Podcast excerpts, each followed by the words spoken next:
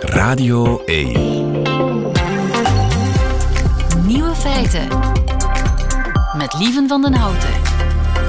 Dag en welkom bij de podcast van Nieuwe Feiten van dinsdag 21 november 2023. In het nieuws vandaag dat u vanavond aan de hemel een verloren geraakte gereedschapskist kunt zien. Met uw verrekijker. Twee weken geleden is ze per ongeluk gelanceerd, die kist, door een astronaut die onderhoud aan het uitvoeren was aan het ISS, het ruimtestation. En plots vloog ze weg, die kist. Niet goed vastgemaakt. En nu zit ze in een baan om de aarde. Vanavond vanaf half acht te zien bij helder weer met een verrekijker. En het beste moment zou zijn donderdagavond, overmorgen, rond kwart over zes. Er is een app van NASA die u toont waar het ISS te zien is aan de hemel.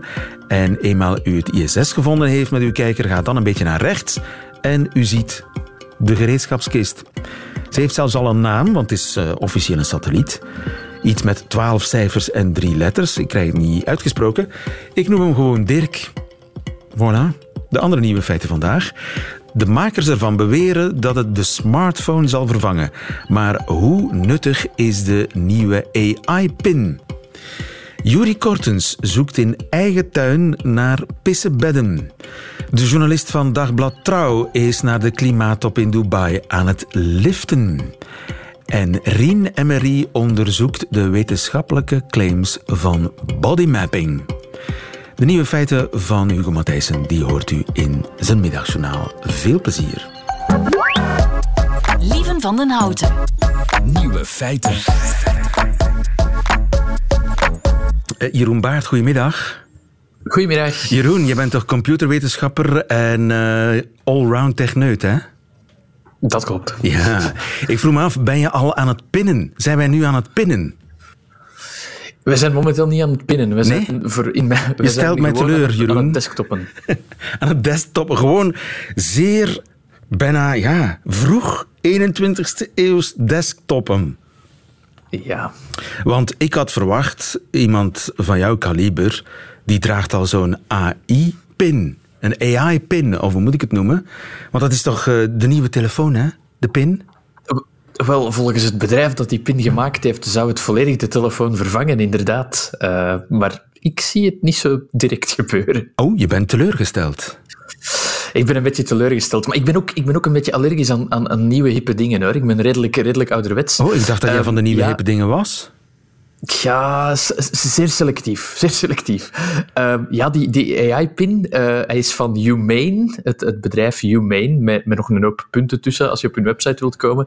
Ehm, ja, hij kost 700 dollar plus 24 dollar per maand eh, eh, aan, aan abonnementskosten.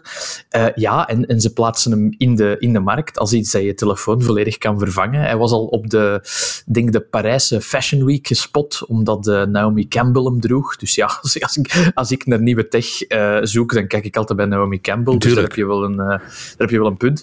Ehm, maar nu hebben dus ook eh, journalisten hem kunnen vastkrijgen. En, allee, of toch iets in hun handen mogen houden. En ja, het is een soort van vierkantje dat je, dat je opspelt. Allee, het, het blijft magnetisch hangen met een, een, een, een pin langs de binnenkant van je kledij.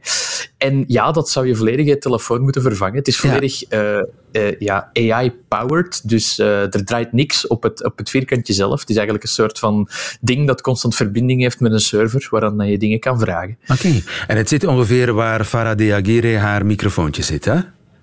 Ongeveer, ja. Ja. ja. eh, tepelhoogte. En eh, het is eh, een vierkantje, niet zo groot, een, een anderhalve centimeter, zoiets? Op anderhalve centimeter? Zoiets, ja. Ja, een klein, een klein vierkantje. Er zit een camera in, er zit eh, denk ik een dieptesensor in en er zit een microfoontje in. Ja. Een dieptesensor? Ja, om je omgeving te scannen en om te, te weten, dat zit in, nu in de laatste iPhones natuurlijk ook wel. Eh, wat dat er ook belangrijk aan is, eh, het- er, er zit geen scherm aan, maar het projecteert een soort van monochroom ding op je hand. Dus als je dan toch iets moet lezen of toch iets moet zien, dan kan je je hand voor je uithouden op één wel bepaalde positie en dan projecteert die, ehm, eh, de journalisten die hem konden vasthouden, zeiden dat het redelijk vloe was, maar dan projecteerde die bijvoorbeeld de inhoud van je sms. Ja. Of je, eh, het weerbericht voor vandaag. Ja, maar je zei, als je dan toch eens iets wil zien... Ja, ik, ik gebruik mijn telefoon nauwelijks voor iets anders dan om dingen te bekijken. Ja, dat is meteen een beetje het, de, de moeilijkheid met dit product in de markt zetten als een vervanging voor een telefoon. Hè. Er, zijn, er zijn andere wearables, zoals we het dan noemen, uh, die dat wel denk ik, op een normalere manier samenwerken met een telefoon. Denk aan je, je sporthorloge of je smartwatch. Daar, is eerder een soort van wisselwerking tussen. Ah, oké, je krijgt een bericht op je smartwatch dat er een e-mail is, maar om die e-mail te lezen, ja, hoop ik toch dat mensen dat op hun, hun smartphone doen. Ik word daar zot van op zo'n klein schermpje. Um, dus ik denk dat dat het probleem is met dit product. Het is ook ja, heel duur, uh, eh, 700 dollar, plus dan die 24 dollar per maand uh, ja, subscriptiekost. Dat begint toch aan te tikken. Vooral ook, en dat dat heb ik pas in het persbericht gelezen, de batterij van het ding gaat maar vier uur mee, maar langs de binnenkant, langs de binnenkant van, je, van je kledij kan je er dan een batterijbooster aanhangen. Dus een soort van extra magneet dat ook een batterij is. Ja, elegant. Zeker ook, ik weet niet wat dat doet voor het gewicht van het product, maar als je graag uh, flanellen, flanellen shirts draagt, dan uh, kan dat wel eens stevig beginnen wegen. Um, dus ja... Um, een van de voorbeelden die ze gaven van het ding, uh, dat het nog niet kan op release, maar, maar wat, dat was een van de, de, de uh, makers, allee, de, de starters van het bedrijf, uh, een zekere Chaudhry, die vroeger bij Apple gewerkt heeft ook. Dus in die, in die sferen zitten we ook. Apple-product.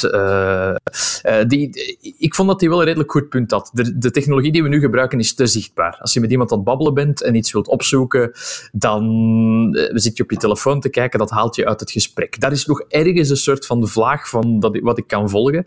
Maar wat dat hij als, als voorbeeld gaf van wat je met die pin kon doen, was hij hield een stuk chocolade voor zich en hij vroeg aan die pin, mag ik dat eten? En die pin zei, nee, je bent allergisch aan chocolade. Je dus, bent al veel te dik. Ah ja, dat, dat, is ook, dat kan dat ding ook, dat zegt uh, wat je mag eten. Ja, ja, uh, wat dat het ook kan doen, dus ja, het is aangesloten op een soort van chat-GPT-achtige interface. Het kan zeggen van oké, alle al mijn sms'jes die zijn binnengekomen, vat die eens voor mij samen, bijvoorbeeld. Of uh, vat het weerbericht voor mij samen. Dus je kan het wel, uh, laat ons zeggen, dingen vragen die je aan een, een large language model zoals ChatGPT of, of de nieuwe Bing zou vragen. Ja. Maar ja, ik, ik, ik, ik, vraag me echt af waar dat... Allez, om eerlijk te zijn, ik denk dat dit dead in the water is, maar ja, we zullen zien. we zullen zien. Uh, je kan eraan vragen, bel Jeroen Baart, en dan belt dat ding Jeroen Baart. Hoe hoor ik jou ja. dan? Wel, er zit een klein speakertje in en het is echt bel Jeroen Baart. De journalisten die hem getest hebben, zeiden dat ze, zeker als er wat omgevingsgeluid was, toch redelijk hard naar hun tepels moesten roepen voordat dat ding het, het, het oppikte. Nu, ja, ja maar hoe hoor ik jouw stem dan? Jouw stem knalt dan uit mijn tepel. Ja, dat klopt. Dat is waar dat we allemaal van dromen natuurlijk. Uh, ja. Oké. En uh, ik, ik, kan er ook stiekem foto's mee maken. Het is eigenlijk bijna James Bond, hè? Of, of de, de Stasi. De Stasi hadden ook uh, cameraatjes in hun knopsgat zitten, hè? Over dat stiekem foto's maken hebben ze wel geleerd uit de voorbije dingen, zoals die bril van Meta en de Google Glass, weet je nog.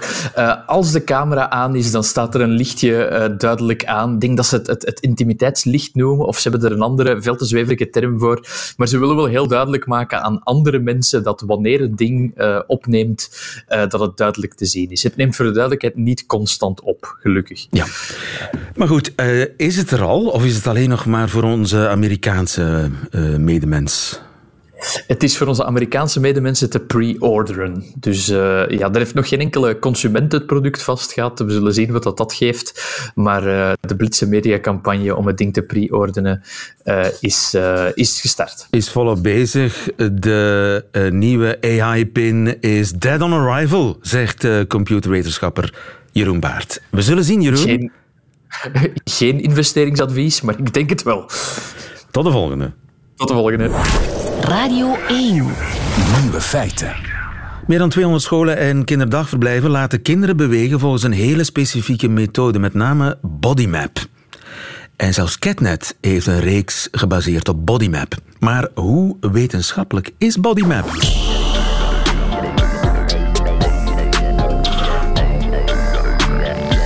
De nieuwe feitenchecker verslaafd aan de Nieuwe Feiten-studio. Stilaan, Rien Emery, net als gisteren. Welkom in Nieuwe Feiten. Hoi. Wat is Bodymap? Bodymap is een, eh, een, een, een, organisatie die een methode heeft ontwikkeld die wil werken aan de bewegingsontwikkeling van kinderen. Jonge kinderen? Jonge kinderen, omdat kleuters. ze... Kleuters al, inderdaad, maar mag ook oudere kinderen zijn. De lagere school, daar, daar kijken ze ook wel naar. Um, en ze hebben een methode ontwikkeld die inhoudt dat je bepaalde dingen kinderen moet motorisch aanleren gaande van hun, in, hun reflexen die aangeboren zijn, die ze nog eens moeten herhalen, naar de motorische ontwikkeling, um, lichaamsperceptie, fijne motoriek, grove motoriek. En dat dat allemaal helpt om uiteindelijk zeer goed schoolse vaardigheden aan te leren. En het zou zelfs helpen tegen aandoeningen zoals ADHD, heb ik horen waaien. Men, men zet het in de markt als een manier om ontwikkelingsstoornissen bij kinderen en leerproblemen aan te pakken via de motoriek, via de beweging. Dat is een claim. En, dat is een claim. En claimen zij ook dat die claim wetenschappelijk is onderbouwd? Ze claimen dat. Maar het is al jarenlang controversieel. Al vier jaar geleden zijn er, is er een hoop uh, academici, kinderpsychologen, pediaters, uh, orthopedagogen en zo verder, die gewaarschuwd hebben van ja, dit begint populair te worden, die bodymap-methode. Die komt op scholen aan bod plotseling. Leerkrachten volgen daar cursussen over en uh, beginnen dat aan te leren en, en uit te voeren bij kinderen. Maar volgens hen was er geen wetenschappelijke onderbouwing. Nu, sindsdien, een aantal jaar geleden, is er ook een lemmatje verschenen op de website van Bodymap, wetenschappelijke onderbouwing. daar stond een reeks artikels op over onder andere reflexintegratie en zo verder. Um, maar die academici zeggen weer van ja, die artikels die bestaan wel en dat zijn eh, interessante artikels, maar daar, dat onderbouwt helemaal niet de methode van, van Bodymap. Wat is er dan gebeurd? In mei 2023 is er een nieuwe versie verschenen van die wetenschappelijke onderbouwing op de site van Bodymap. Um, met een echte uh, punt voor punt um, staving van elke techniek die ze uitvoeren. Gebaseerd op dat en dat ja, ja, wetenschappelijk buik, onderzoek. Buik, ligspeeltijd, lateralisatie, spelen op blote voeten, evenwichtstraining, het belang van de ravotten. Eh, van al die verschillende onderwerpen hadden ze academische artikels die bewezen van dit is wel degelijk nuttig. Ja. En uh, die academische artikels zijn nu onderzocht door de collega's van KNAK. Knak en de standaard ook. Um, hoe, hoe, ging de bal hier dan het rollen? Een van de professoren, een professor emeritus, die uh, ook die open brief had opgesteld, ging eens kijken op de site van Bodymap en vond daar een artikel dat zij zou geschreven hebben. Dat dus zou de methode van Bodymap ondersteunen. Komt dat tegen? Ja. Um, maar ze denkt, en ze denkt terecht, ik heb helemaal niet zo'n artikel geschreven. Toen heeft men een analyse beginnen maken van die meer dan 40 artikels die erop stonden en meer dan de helft bestond niet. De artikels waren verzonnen. verzonnen. En hoe is dat gebeurd? Die zijn wel geschreven. Nee, die zijn, niet geschreven. er is zelfs geen tekst van. Wat daarop stond op de site was een titel, auteurs, een wetenschappelijk tijdschrift waarin het zogezegd zou verschenen zijn, met een jaartal, paginering, alles erbij, en een kleine korte inhoud van het artikel. Maar de mensen die dat op die site gezet hebben, moeten die zeker nooit gelezen hebben, die artikels. Want als je die titels googelt, vind je gewoon geen artikel. Het artikel is verzonnen. Hebben ze dat zelf verzonnen? Nee. Ze hebben het laten verzinnen, al hadden ze misschien niet door dat het verzonnen was, door, je raadt het al, ChatGPT. Dus ChatGPT heeft die korte samenvattingen geschreven. In het begin, want we spreken over en mei... Misschien zelfs de titels van die... Van die alles. Ja, dus wat er gebeurt is als volgt. Verzin mij eens een reeks wetenschappelijke artikels. Titels van artikels. Maar men heeft zelfs niet eens gevraagd, verzint mij artikels. Men dacht in het begin dat ChatGPT en dan van die AI-chatbots, dat die een soort orakels zijn.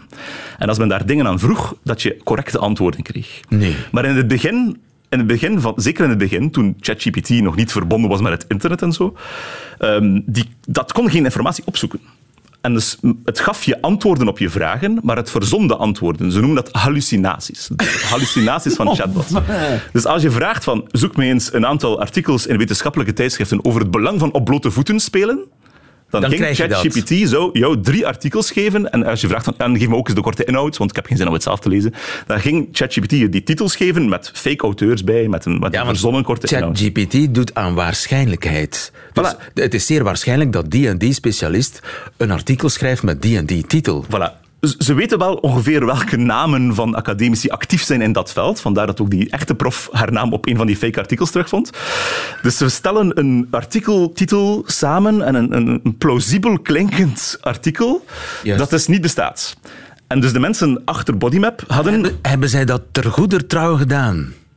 Het, het komt Is het mogelijk voor. dat ze dat echt niet wisten? Zeer zeker. In het begin dachten mensen echt van alles wat uit ChatGPT komt is waar. Dat is de, de waarheid. Dat kan alles. Eh, dat gaat ons de antwoorden geven op alle levensvragen en al de rest. Maar het is natuurlijk wel een klein beetje verdacht dat ze nooit zelfs de moeite gedaan hebben om die, om die titels te googlen en die artikels te zoeken en gewoon vertrouwd hebben op de samenvattingen die ze kregen uit, uit Ja. ChatGPT. Maar, maar die Bodymap, dat is een commercieel bedrijf. Zij verkopen van alles. Het is een VZ2 die dan, waar ook een aantal vennootschappen achter zitten en zij bieden cursussen aan die tot 1500 euro kosten om je op te leiden tot Bodymap beweegcoach. Maar dit is oplichting. Ehm, het is op zich is kinderen laten bewegen, kleuters laten bewegen. Ehm, er is een probleem met kleuters die te weinig bewegen. Dat is, dat is zo. Het grote probleem is de claim dat het wetenschappelijk onderbouwd is.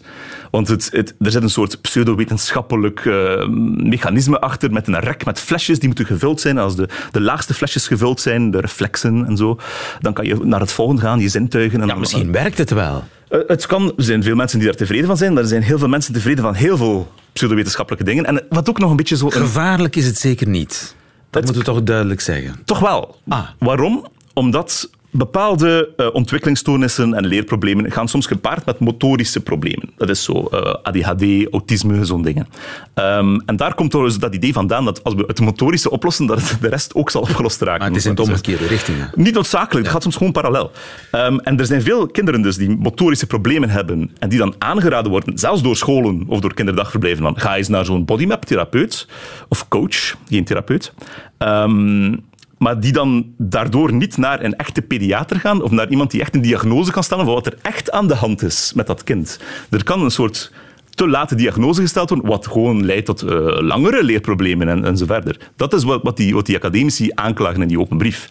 En er is ook nog een extra red flag waarbij niet alleen die bodymap-theorieën worden aangeboden, maar ook zelfs kindertuina, als je dat kent. Dat is drukpuntmassage gebaseerd op de Chinese drukpuntleer, waarbij er zogenaamd energiebanen door je lichaam lopen, waar je op moet duwen en dan ga je je beter voelen, want de energiestromen van de ki door je lichaam... Allee, dat is allemaal onzin, pseudowetenschappelijke dingen. En ja, die, die bundeling daarvan maakt het soms toch problematisch. Maar die, de, ze hebben zich verontschuldigd daarvoor, de mensen erachter. Ze zeggen van, we hadden eigenlijk niet moeten willen wetenschappelijk onderbouwen. We hadden ons boerenverstand moeten gebruiken en ze beweren dat het practice-based is. Niet evidence-based, maar practice-based. En dat klopt wel. Wel, dus ook niet echt, maar ze, ze hebben al verontschuldigd dat ze het hebben willen wetenschappelijk onderbouwen. Dat is al iets. Ja. Eh, dus weet gewoon, als je aan bodybap doet, het is niet wetenschappelijk onderbouwd. Het kan soms geen kwaad, maar soms wel. Rien en Marie, helder. Dankjewel.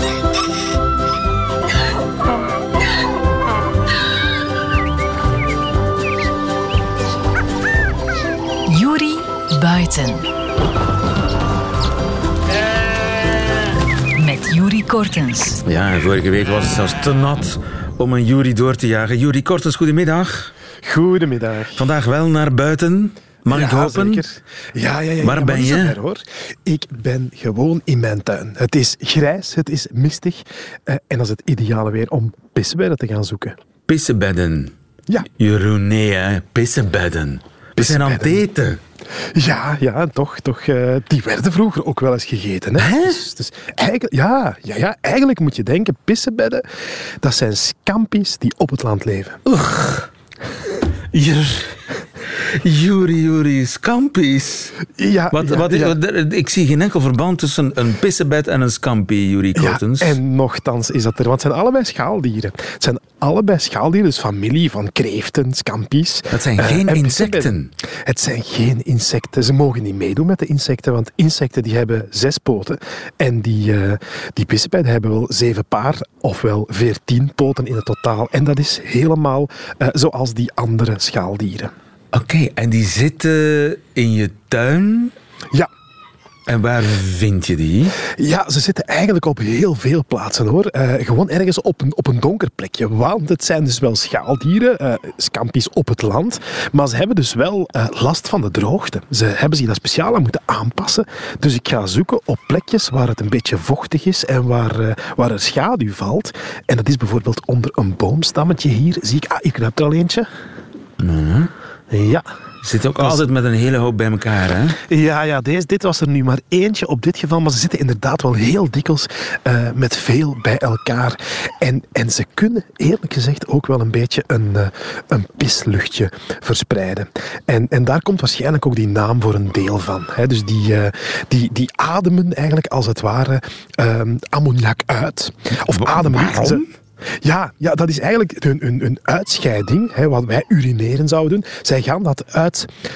Oh, ademen is het verkeerde, zegt ze gaan dat uitscheiden via, via hun, ja. hun huid. Het is een soort van huidademhaling. En zo komt dat, uh, komt dat naar buiten. Ze en verdampen veel, hun pis Ze verdampen, ja, dat is het eigenlijk. En, en als ze dan met veel samen zitten, kan je zo een luchtje krijgen. En misschien, heel misschien, is daardoor ook de oude remedie gekomen tegen bedplassen, waarbij je enkele pissenbedden moest drogen, dan vermalen en dan met een yoghurtje uh, naar binnen spelen. En dan, dat zou dan helpen tegen het bedplassen.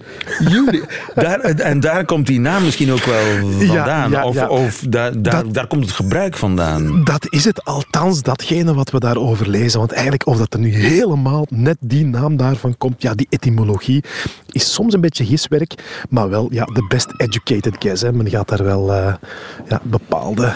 Maar dat zijn dus eigenlijk uh, zeedieren die op, op, land zijn gesukkeld. Ja, ja, ja, ja, ja. En een van, van hun grote problemen is dan ook ademhalen. Uh, want ja, ze hebben geen longen zoals, zoals de meeste dieren dat hebben. Ze hebben wel iets dat lijkt op kieuwen in combinatie met longen. Dus ik heb hier nu net zo een hele dikke pissebed gevonden. Uh, en als je die dan omdraait, dan liggen daar precies zo'n aantal witte eitjes aan de onderkant. Maar eigenlijk zijn dat de, de kieuwlongen van die, uh, van die pissebed.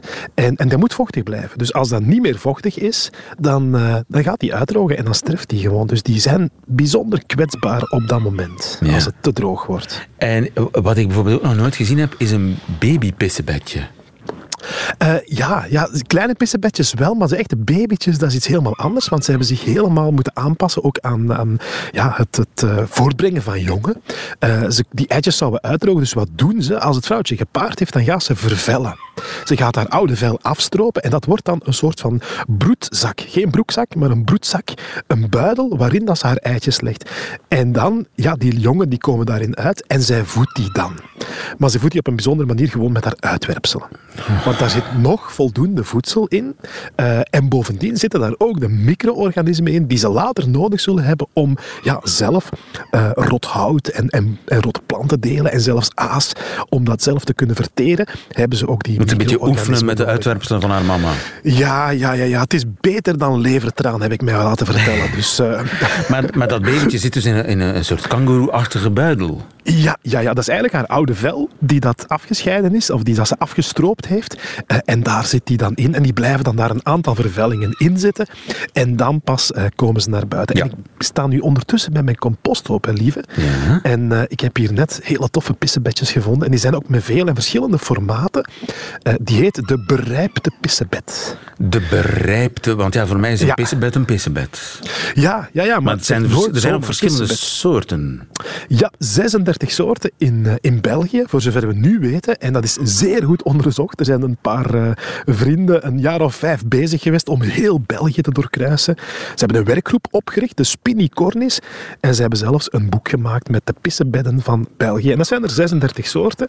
En die berijpte is een beetje een nieuwkomer, uh, want die, die houdt vooral van warmte. En ik vind die bijvoorbeeld in mijn composthoop, omdat die ook wel wat warm is. Die compostwarmte hebben die nodig.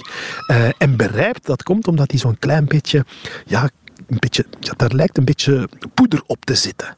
Uh, Zo'n poederachtig dingetje bovenop dat lichaam en dat noemt men dan berijpt. Berijpt. Ja, berijpt. Ja. Uh, alsof er een soort uh, ja, bevroren water, ja, een soort... Ja, ja, ja, ja. Dat, dat, komt effectief daarvan. Hè. Dan heb je ook die rijp die, die s ochtends op, nog niet op de bladeren heeft gelegen, want het is nog te warm voor de tijd van het jaar. Maar die pissebedjes die hebben dat alvast ook. En verschillende formaten. En het hele tof, ik zie hier ook eentje met twee kleuren. Uh, dus die, uh, Zijn die allemaal grijsbruin? Uh, nee, ja, ongeveer wel, maar, maar deze is nu aan het vervellen. Uh, en de ene kant is zo wat meer bruinachtig, de andere is zo meer blauw, blauw-paars. Ja, paars is veel gezegd, maar zo blauw-grijsachtig.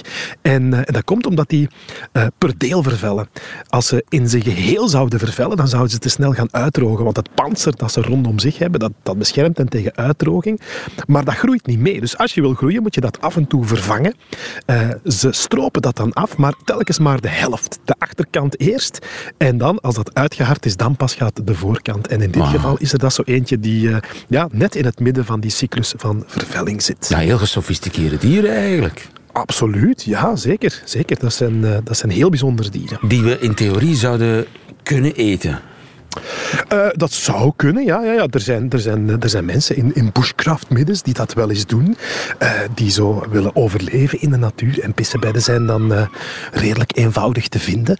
Dus in principe zou het kunnen. Ik heb het nog niet geprobeerd. Ik ben ook niet meteen geneigd om het te doen. Ook, ja. Want, ja. En dienen ze ergens voor? Moeten we ze dankbaar zijn, de pissebedden? Ja, ja, alle dieren dienen wel ergens voor. Hè. En die pissebedden in dit geval zijn dat, zijn dat heel belangrijke afbrekers. Um, ze, ze, ze, ze, breken bladeren, dode blaren, dode, dode takken, dode boomstammen. Het zijn de bladblazers van de natuur. Ja, ja, en niet alleen. De bladblazer die waait het gewoon weg tot bij de buren. Dan zien we het niet meer en dan hebben we dat probleem niet meer. Maar die pissebedden, die, eh, die gaan het echt ten gronde aanpakken. Ze eten het op en brengen het dan terug uh, in de kringloop van het leven, zodat de planten het terug kunnen opnemen. Wauw. Ja, ik, ja. Hebben de kippen er iets aan? Ja, de kippen eten er ook van. Als ze tegenkomen wel, want uh, bijvoorbeeld kippen, muizen, egeltjes, uh, die eten ook allemaal uh, pissebedden. Oh, wow. Ik ga eens heel even kijken, lieve, want ik heb hier ergens, ik weet niet of ze er nu op dit moment zitten, maar ik heb hier ergens een heel bijzondere pissebed in de tuin zitten. Dan moet ik naar een steen gaan die ik ga omdraaien. Je weet, je weet de steen liggen waaronder ja, die, soort, die, die soort ja. uh, pissebedden wonen. Ja, ja, ja. ja. En, ik, naar welke soort zijn we? Ja, ik ga even kijken. Ah, ja, nee, het is, het is een beetje... Oei. Ze zitten wat dieper in de grond op dit moment. Hoe dat is heel het? bijzonder. Ja, dat is een pissebed en die woont in mierennesten. De mierenpissebed heet die dan ook heel toepasselijk. En, en die Dit mierennesten... verzin je. Nee, dat is echt waar. Die leeft daarin. Ook daar zijn vuilnismannetjes nodig en die doen dat. Dus die leven in die mierennesten en die eten dan gewoon alles wat daar nog rest. Dat kunnen ja, eh, kleine, kleine overschotjes hier of daar zijn, een lijkje van een mier of wat Wat de dan ook. mier niet hebben allemaal. wil, dat lust Ja, de pissebed. ja. Dat lust de pissebed. En dat zijn prachtige pissebedjes. Helemaal wit. Het zijn eigenlijk kleine spookpissebedjes lijken ze wel. Eh, en, en ja, ze lijken helemaal niet op een mier, maar ze ruiken hetzelfde als de mieren. Dus de mieren laten die gewoon doen. Eh, als een mier iets in haar nest heeft dat helemaal naar haar ruikt, dan vindt ze dat oké. En bovendien gaan ze ook met hun antennetjes eh, tokkelen op dezelfde frequenties waarmee dat mieren tokkelen met hun antennes. Dus als ze elkaar tegenkomen, dan is dat een begroeting. Oké. Eh, antennetjes Het tegen vermomt zich antennetjes. als mier, als het ware. Ze vermomt zich gedragsmatig als mier, maar uiterlijk ziet ze er helemaal niet zo uit. Ja, maar ze zitten nu dieper onder de grond. Ja, of dieper weggekropen, want het is zo wat kouder aan het worden en dan gaan die mieren eh, ja, wat lomer worden en wat, eh, wat dieper kruipen dikwijls. En de pissebedden mee. En de pissebedden mee. Ah ja, ja, die zijn ook obligaat uh, myrmecofiel, zo heet dat dan. Myrmecofiel houden van de mieren en obligaat, het is verplicht. Ze kunnen helemaal niet zonder. Uh, en als je zo af en toe wat stenen opheft, in de zomermaanden bijvoorbeeld, dan is de kans redelijk groot dat je zo mierenpissebedjes tegenkomt. Ik ga ook een paar stenen omdraaien. Juri Kortens, dankjewel. Tot de volgende. Tot de volgende. Nieuwe feiten. Held van de dag is Maarten van Gestel, die naar de klimaattop in Dubai aan het liften is. Goedemiddag, Maarten. Goedemiddag. Maarten, waar ben je? Ik zit nu in een vrachtauto tussen uh, Leipzig, waar ik vannacht sliep, en Dresden, waar we naar op weg zijn. En ik mag meerijden met deze Bosnische chauffeur tot aan Wenen. Tot aan Wenen, van Leipzig tot Wenen, dat is hoeveel kilometer? Ja, ik denk niet echt in, in, in kilometers, maar ik denk uh, een ja, kilometer of 400 of zo. Ja, het, het, is mijn doel, het is mijn doel voor vandaag, dus dat heb ik dan straks bereikt gelukkig. En ga je daar vandaag nog raken dan? Ja, vandaag komen we daar nog. Wauw. En uh, de, de, die, hoe heb je die gevonden, die vrachtwagenchauffeur? Ja, ik, moet, ik ben zelf ook geen ervaren lifter. Het is een beetje een experiment, maar ik ga dan toch bij een tankstation of bij een, in dit geval een parkeerplaats aan de snelweg en mensen vragen van uh, moet u toevallig richting Dubai, want ik ga naar de klimaatop. en uh, sommige mensen zeggen meteen van uh, ga weg, idioot, maar anderen moeten lachen en die nemen mij een stukje mee op die, in die richting. Hoe lang ben je, wanneer ben je vertrokken? Gisterochtend vanuit Nederland, vanuit Brabant. Dus het is al aardig opgeschoten tot nu toe. Dat beter dan verwacht toch? denk ik. Ja, ja zeker. Ja, het, had, het had heel erg kunnen tegenvallen. Dus ik ben blij dat, uh, dat mijn vertrouwen in de mensheid terecht is geweest. Ja, want daar, daar zeg je een sleutelbegrip, hè? vertrouwen. Want uh, een jaar of dertig geleden was liften heel normaal. Dat is helemaal anders hè, geworden. Ja, ja, klopt. Ja, ik ben zelf 28, dus ik heb het niet meer meegemaakt, die, die, die oude lifterstijd. Alleen uh, zeker mensen van in de 50, 60, als ik die vertel over mijn avontuur, dan komen ze eigenlijk allemaal wel met eigen liftanekdotes. Uh, uit de goede oude tijd waarin ze nog tussen België en Nederland of naar verre landen of binnen Nederland gingen liften. Uh, maar het is helemaal uitgestorven, ja, dat klopt. Ja, terwijl het, als er iets milieuvriendelijk is, is het wel liften. Ja, klopt. Ja, die auto's rijden toch. Die plekken zijn vrij. En je kan ook nog eens een heel mooi gesprek hebben. Dus het is niet alleen milieuvriendelijk. Het kan ook misschien al onze problemen met polarisatie en uh, uh, dat iedereen in zijn eigen bubbel leeft oplossen. Juist. Hoop ik. Heb je al dieptegesprekken gevoerd met je Bosnische uh, truckchauffeur? Ja, zeker. Hij oh, is, hoe heet hij? Hij heet uh, Elvier, net als Elvis, zegt hij erbij. en uh, hij neemt me mee omdat hij graag zijn Engels wil oefenen en zijn Duits. Dus we praten veel en hij stelt veel vragen. Uh, over het klimaat, nou, hij gelooft niet zo heel erg in klimaatverandering. Hij, hij merkt dat het minder regent in Bosnië, maar dat kan ook komen door raketten van een land als Rusland of Amerika die, die Bosnië willen tergen. Oké. En, uh, maar, maar we hebben vooral veel gesprek ook over zijn geloof. Want hij hoort bij de Bosnische islamitische minderheid. Dus hij heeft hier ook een kleine Koran liggen op, uh, op zijn dashboard. Wow. En hij moet dus ook vijf keer per dag stoppen om te bidden. En ik vroeg ook waar bid je dan graag? Hier in je truck of buiten? En hij zegt nou, ik heb hier een container achter. En als ik niet te veel, niet te veel uh, goederen bij me heb, dan ga ik liefst in die container zitten zodat ik rustig op mijn kleedje richting Mekka mijn gebed kan doen. En dat vond ik toch wel een heel mooi beeld. Die chauffeur die dan in zijn eigen container kruipt voor het, uh, voor het gebed. Ja, wie weet hoeveel truckers doen dat eigenlijk hè? in hun. Ja. Dat, dat we het niet weten, maar wie weet als je ooit nog eens een, uh, een trucker aan de kant ziet staan. Uh, wie weet zit er iemand in, in die container te bidden. Dat kan. Ja, prachtig wow. beeld toch. En, en dat, dat vind ik zo leuk aan deze reis. Dat ik na twee dagen echt al mensen ontmoet, dingen leren en een hele nieuwe ja, visie op, op, het wegen, op het leven langs de snelweg krijgen eigenlijk. Ja. Kun je, uh, kun je eens de groeten doen aan uh, L4? Ja, zal ik doen. Wacht, ik kan hem even... Hij, hij, hij wil ook graag de groeten doen. Oké. Okay.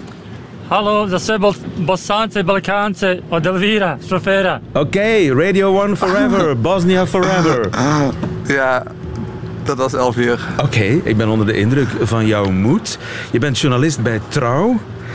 En jij gaat verslag uh, doen van de klimaatop in Dubai. Wanneer moet je daar uh, arriveren? Nou, mijn vlucht vanaf Ankara in ah. Turkije die vertrekt volgende week dinsdag. Je gaat toch vliegen? Dus uh, ja, ik ga toch vliegen. Ik heb zelf, we hebben dit idee gekregen van, nou, vorig jaar ben ik deels met de trein naar de klimaatop gegaan.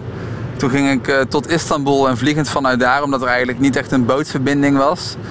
En nu was er wel een idee om misschien te liften tot Dubai. Alleen uh, ja, vooral de situatie in Irak is, is, is te gevaarlijk om doorheen te liften. Ik, ik, sprak dit weekend iemand op een feestje die zei van ja, een vriend van mij heeft dat geprobeerd en die is daar ontvoerd uh, voor losgeld. Jeetje. En toen zei mijn baas toch wel van nou, we hebben jou ook Doe klimaat op nodig om elke dag verslag te doen.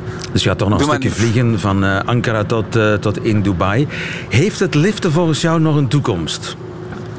Ik denk van wel. Ik bedoel, het is, het is even pittig om uh, bij zo'n tankstation uh, talloze auto's te vragen: mag ik meerijden? En dan ook veel afgewezen te worden. Daar moet je wel even tegen kunnen.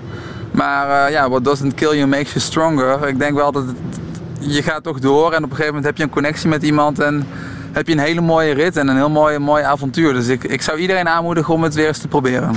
Terug naar uh, de jaren 70, 80. Uh, Maarten van Gestel, we gaan met z'n allen meer liften. Mag ik je nog heel veel succes wensen. En een behouden aankomst uh, in Dubai. Dankjewel. En de groeten nog aan Elvier. Zal ik doen. Dag. Dag. En dat waren ze meteen de nieuwe feiten van vandaag, 21 november 2023. Alleen nog die van Hugo Matthijssen, die krijgt u nu in zijn middagjournaal. Nieuwe feiten. Middagjournaal.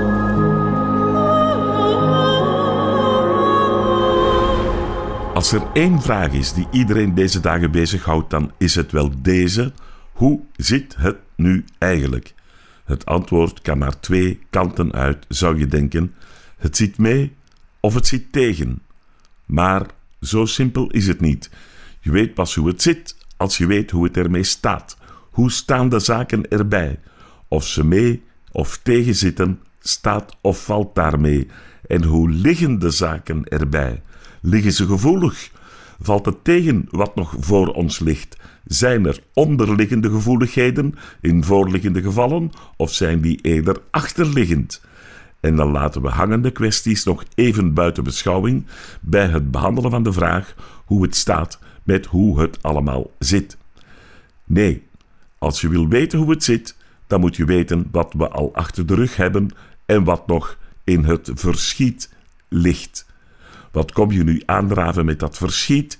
Denk je misschien, maar vergis je niet, dat ligt nog voor de boeg, dat staat ons nog te wachten. Of je dat nu ziet zitten of niet, het staat als een paal boven water en daar staat of valt alles mee. En hoe staan de zaken ervoor? Dat is maar één vraag. Een ander ding is, hoe staan wij daar zelf tegenover? Blijven we bij de pakken zitten? Met hoe de zaken er nu bij liggen, leunen we daarbij achterover? Of houden we met de rug recht staande dat het wel zal meevallen, zij het desnoods met vallen en opstaan? Dat is de vraag waar iedereen maar heel goed over moet nadenken. Dank u wel.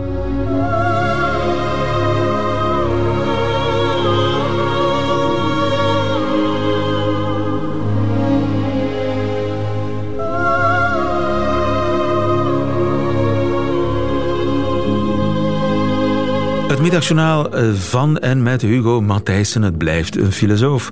Einde van deze podcast. Hoort u liever de volledige nieuwe feiten met de muziek erbij. Dat kan natuurlijk elke werkdag live op Radio 1 tussen 12 en 1 of on demand via VRT Max. Tot een volgende keer.